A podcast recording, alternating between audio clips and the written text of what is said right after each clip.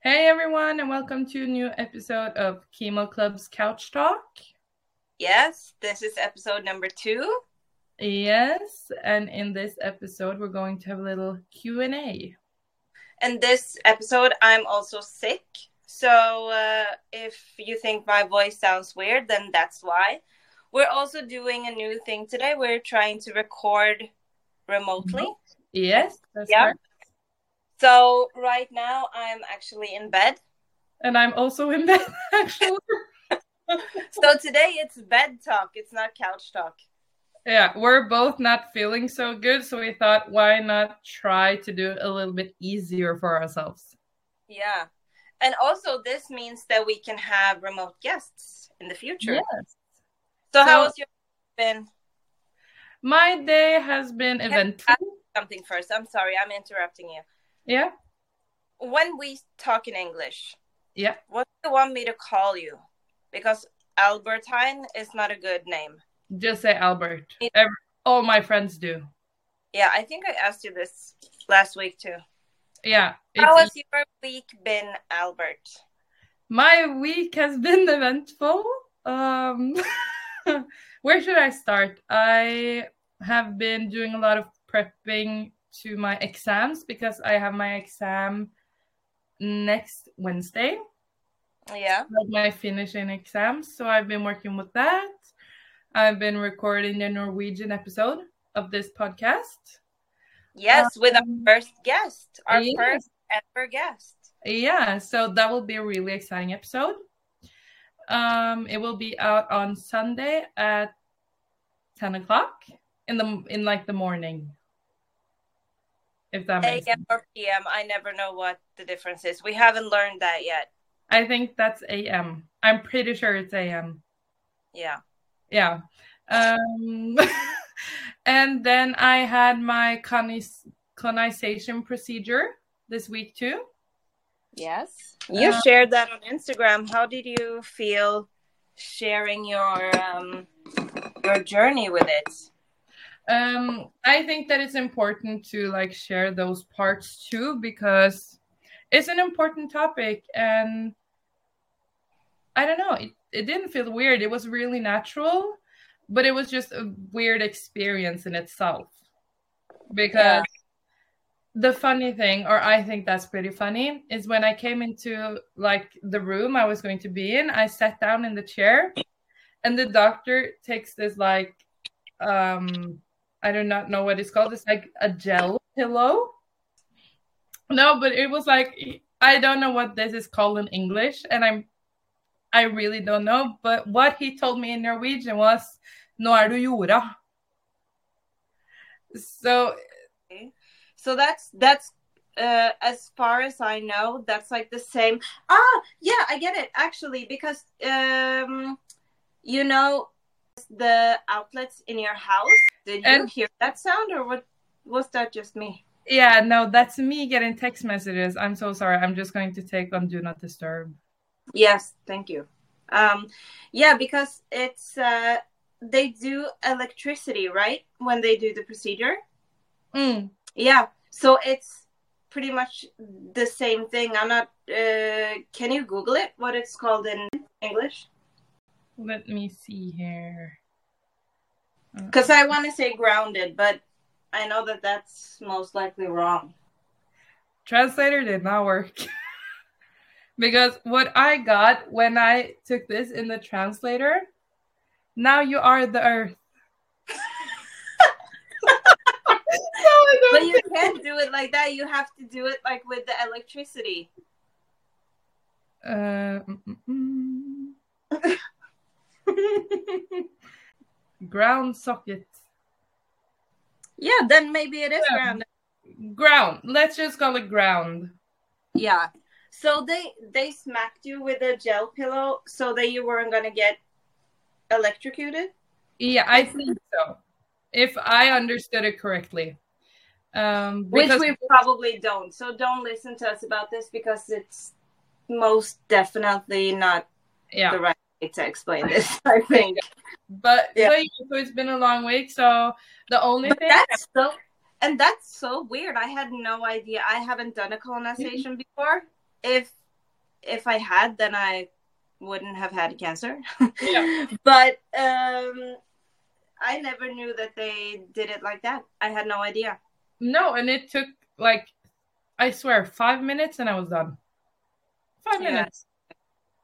So But how how did you feel uh, bringing like your phone with you on that? Because I knew you were answering some questions on Instagram, and you were also uh, doing some videos to show people what what was going on.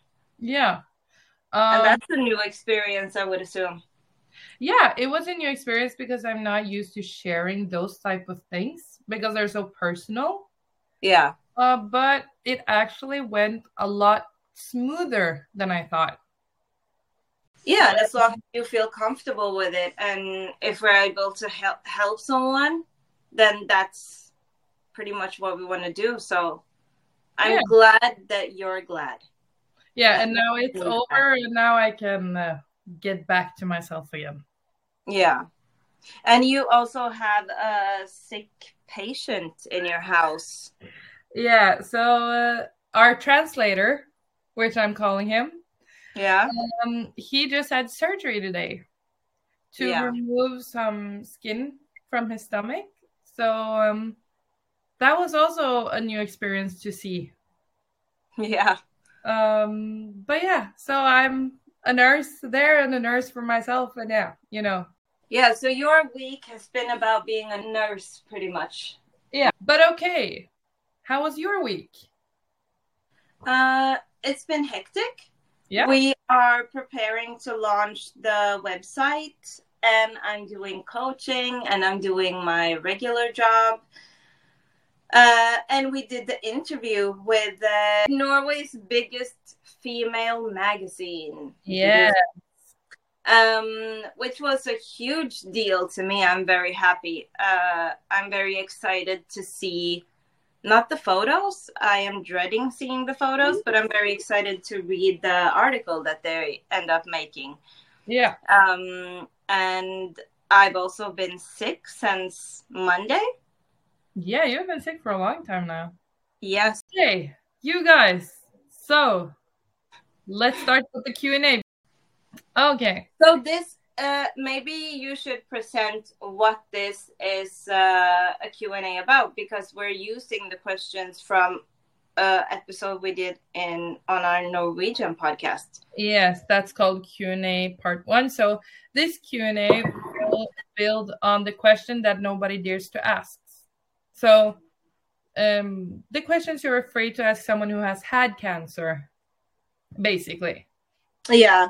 So what we wanted to do with this was, uh, I know a lot of the people that I met and myself also. Um, people get weird when you have cancer. They get weird around you because there are things that they want to ask you, but they don't have the guts to do it.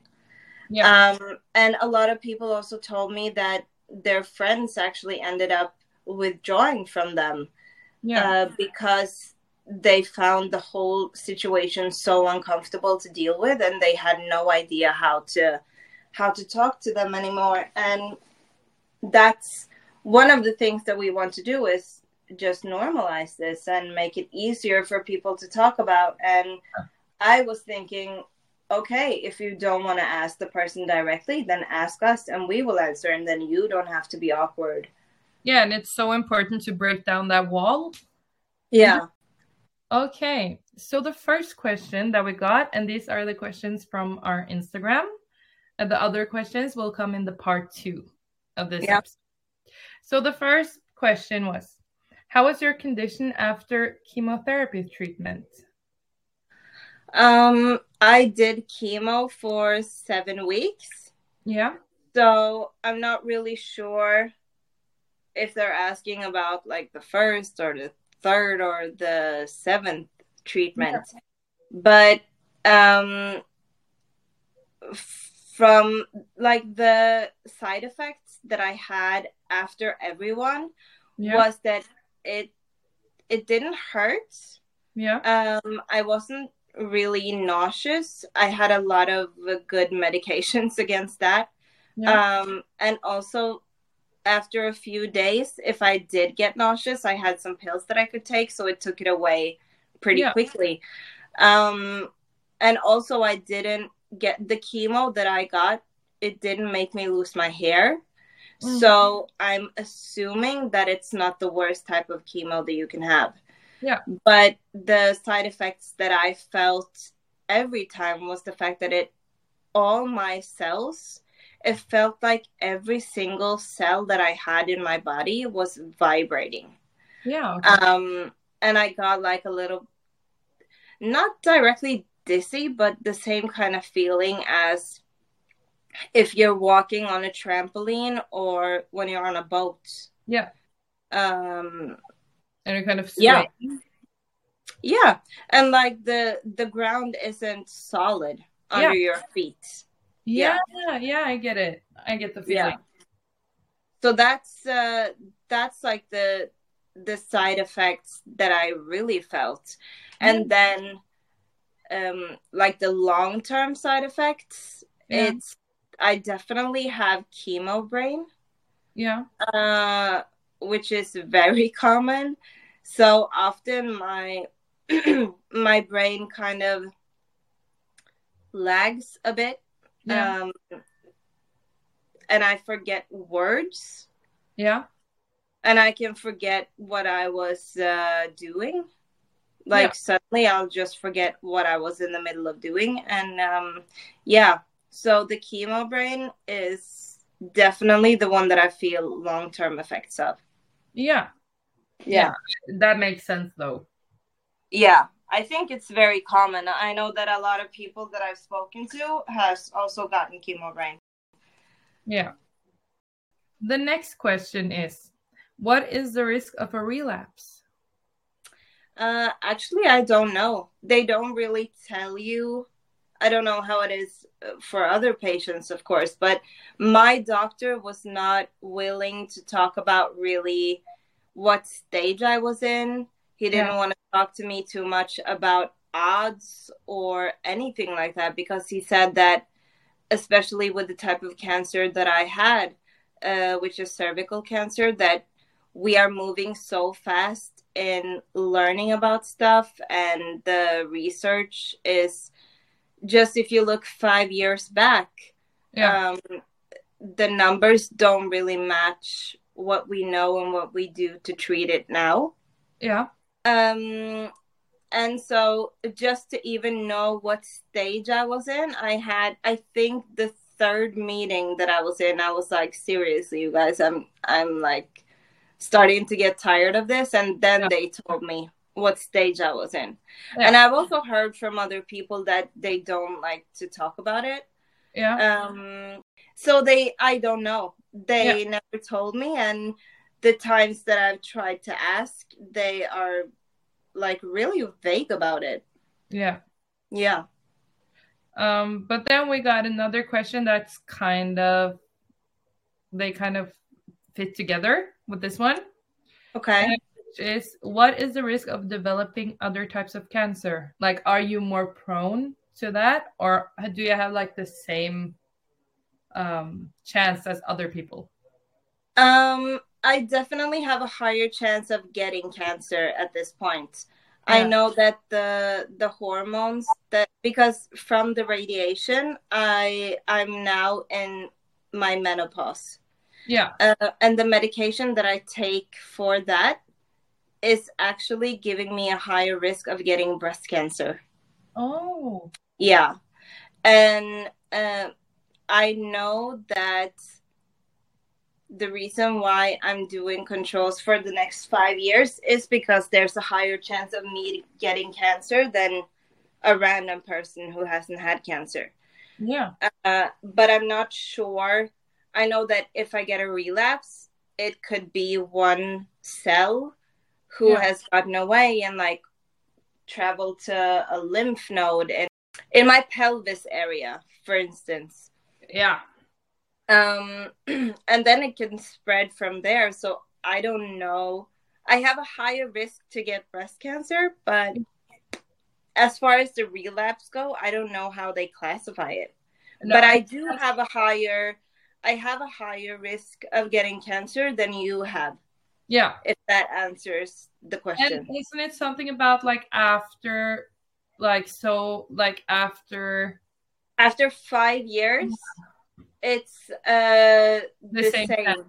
Yeah. So Yeah. after five years, I'm declared cancer free. Yeah. And at that point, it's uh, the same chance of me getting cancer as you. yeah. It's also the HPV virus. So, yeah. Yeah. Who you never know. That, that's the thing. Yeah. Okay. But the next question is uh, how do you screen for cancer? Is it a single test or multiple tests? I'm so sorry. I thought you said, How do you scream for cancer? no, I meant screen, like screening. Uh, no, it's different. Um, so for I can only speak for the type that I have, Yeah. and I know that in America is called Pap smears. I think that's the Yeah. same as celleprøve in uh, Norwegian. Yeah. And I don't actually know if they do the HPV virus check on the on the test in other countries. Ooh, that's a great. Um, but I think they do because honestly, I think that Norway is very behind on on it. They Yeah. do it in Sweden. They've done it for a while there. yeah, um. So it's different for every type of cancer, I think. yeah, Yeah. yeah, it is. Um, because But in Norway, like the point is if like go and check yourself. Do your pap smears, your celleprøve. Um and yeah. if you know that you have cancer in your family, like a specific type, get tested. Tell it to your doc, your physician, and just say, "I want to get tested." Yeah, I think that that's like the most important thing to do. Like, talk to your family, find out your family history, and then speak with your doctor, and they will tell you what you need to do. Like, I mean, that's that's what they're supposed to be good at. yeah and like for example me and perry knows that when we're like 40 we have to do this special test Yeah, but this is the good thing because we have a lot of colon cancer in our family. yeah. But the hormones that gives me a higher risk to get uh, breast cancer it gives me a lower risk to have colon cancer. So So the doctor were like but this is a good thing for you. And i was like yeah small wins. Uh Yay, small wins.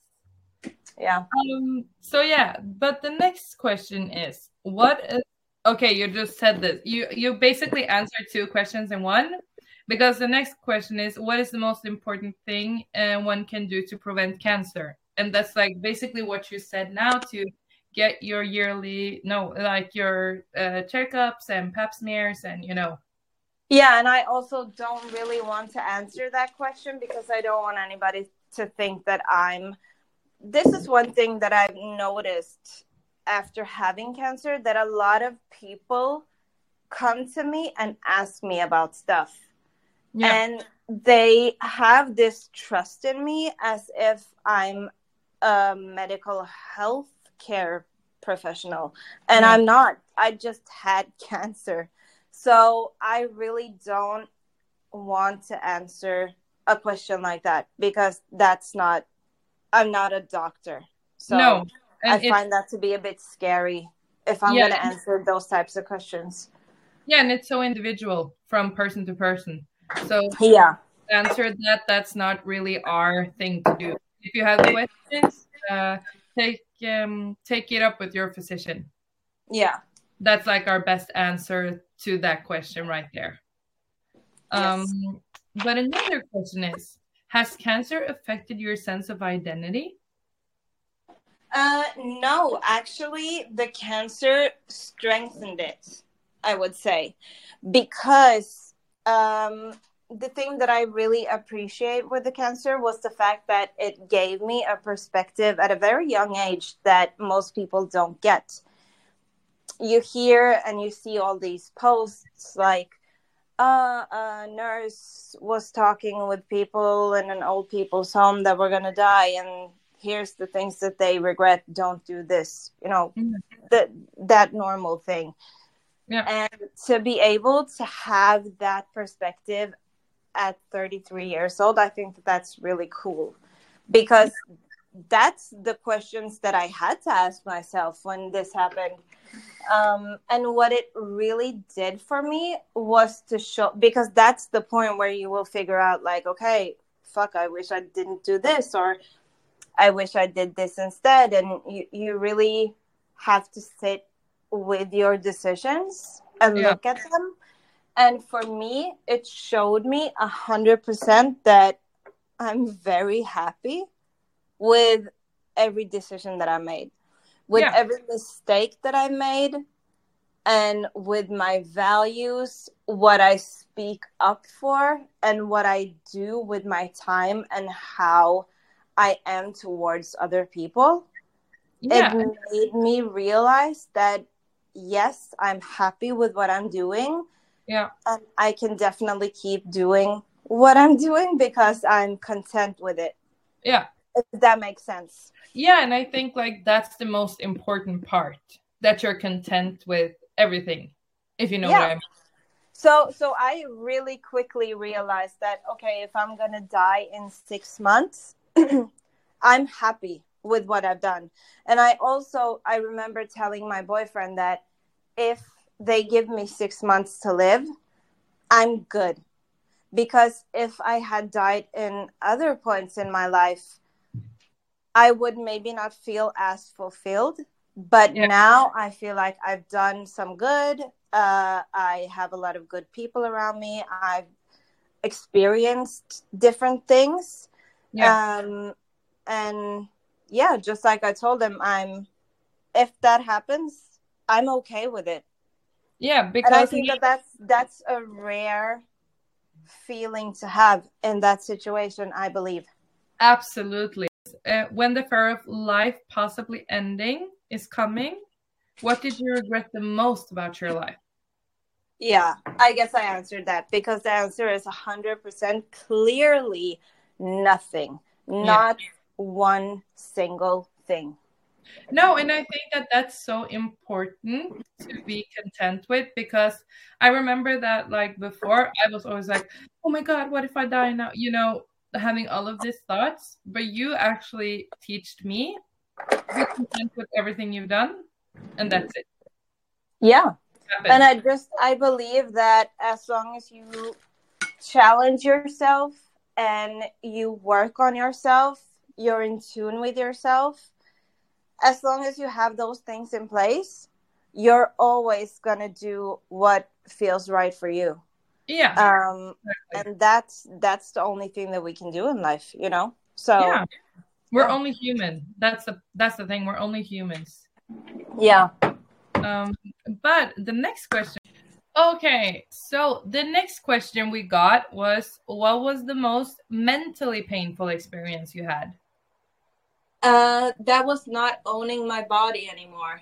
Um, when I did uh, the radiation therapy, Yeah. you go into a room with three or four strangers, yeah. and you're naked, and they draw. They put like marks on your body so that they know know where to do in um like on the radiation bed i guess Yeah. uh and um those marks they don't go away and when they start to fade they draw them in again so the whole period that you're in treatment you Yeah. Like every time you get undressed you see Yeah. the marks uh, and i just felt like my body wasn't mine anymore it was suddenly for everybody else and everybody was telling me they were drawing on me telling me what kind of moisturizer i could use uh, where and when i could shave uh, when i could eat when i could drink Yeah. a lot of these things. So I felt like I did not own myself anymore. I was just a product and they were trying to like radiate the poison out of me. Yeah. that was the most difficult part that I had really no say about myself. It makes you also really think what it must be like to be in prison or to you know experience something yeah like where you as a grown up don't decide for yourself self anymore yeah and so the next question that we got was what could we as friends have done differently in your situation and what i think people mean by this question is how could we support you in a different way yeah um uh, to me, honestly, nothing. I felt very seen and heard by everybody that was around me. And um, it could also, of course, be the fact that we're all so open with each other. I think that everything that we've gone through, we've always had honesty and we've never been afraid to tell each other the truth. Yeah. And like most of my close friends was were also around when our dad died. Yeah. So, and we're, I mean, we're all grown ups. Um, mm. Most of my friends are in their 30s. So it's not like we haven't gone through big life situations before. Yeah. So I just think that for us, it was a normal thing, kind of like we were good at it. We've experienced yeah. a lot of stuff together. Yeah. So all my friends were amazing and I could not have asked for a better support system, really. Yeah, but I really that's a really good thing to hear because I think that it was pretty hard to know what to do, what was the right thing to do there and then. But it's good to hear that you feel like there was nothing else we could do. Yeah, can I ask you how did you feel in that situation? Like was there anything that you wish that I did differently? No, but I don't feel like you could have done anything different because we were together like almost all the time when you were sick and we talked about it. It, it was like it was nothing you could have done different. Um, but again, I think it's very like individual what people feel. Um, but I feel like you did everything right. Yeah, and I also think that the the biggest part of this, which is in almost every relationship on earth, that it's communication. And I think yeah. that we did it very well from the start. And from the start, I also made sure to keep all you guys informed the whole way about everything that was happening. So I think that that made made for very good foundation for us to build on. Yeah, that's so true. Okay, so we have now two questions left for this part of the episode. And that's okay. That's two reasons. That's one because our attention span is on the verge of exploding. Yes. And we want to keep some questions for the next round. So, um, the questions that we are left with are Were you afraid of not being able to have children? Uh, honestly, I didn't actually think about the whole children part. Um, first, I was called and they told me that I had cancer. Yeah. and then uh, they told me in two to three weeks you will be called into the hospital and then they will start conducting uh, testing and to see like how far along the cancer is yeah. And at that point, I was unsure if I was even going to survive. So yeah. the last thing that I was thinking about at that point was anything to do with children because I was just thinking like am I going to die from this? Yeah. Um and then when I came into the doctor's office, he just very clearly clearly told me right away that I wasn't going to have children. Yeah. But also he told me that I was gonna survive. So yeah. honestly, the the kid part wasn't it didn't even register kind of because all I heard was the plan is that we're gonna make you healthy again and you will survive this.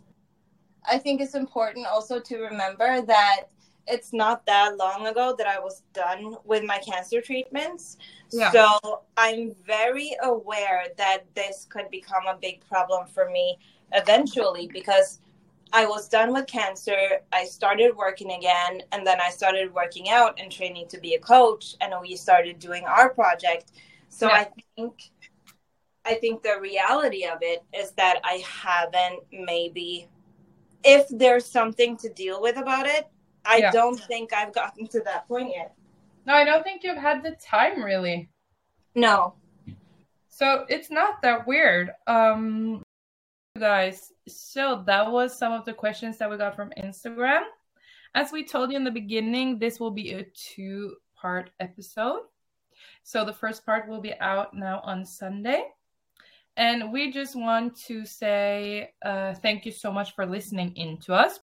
Uh, and if you guys could go into Spotify and give us five stars, and also go into our Instagram, Sisters and Squad 2.0, we would Yes. really appreciate it.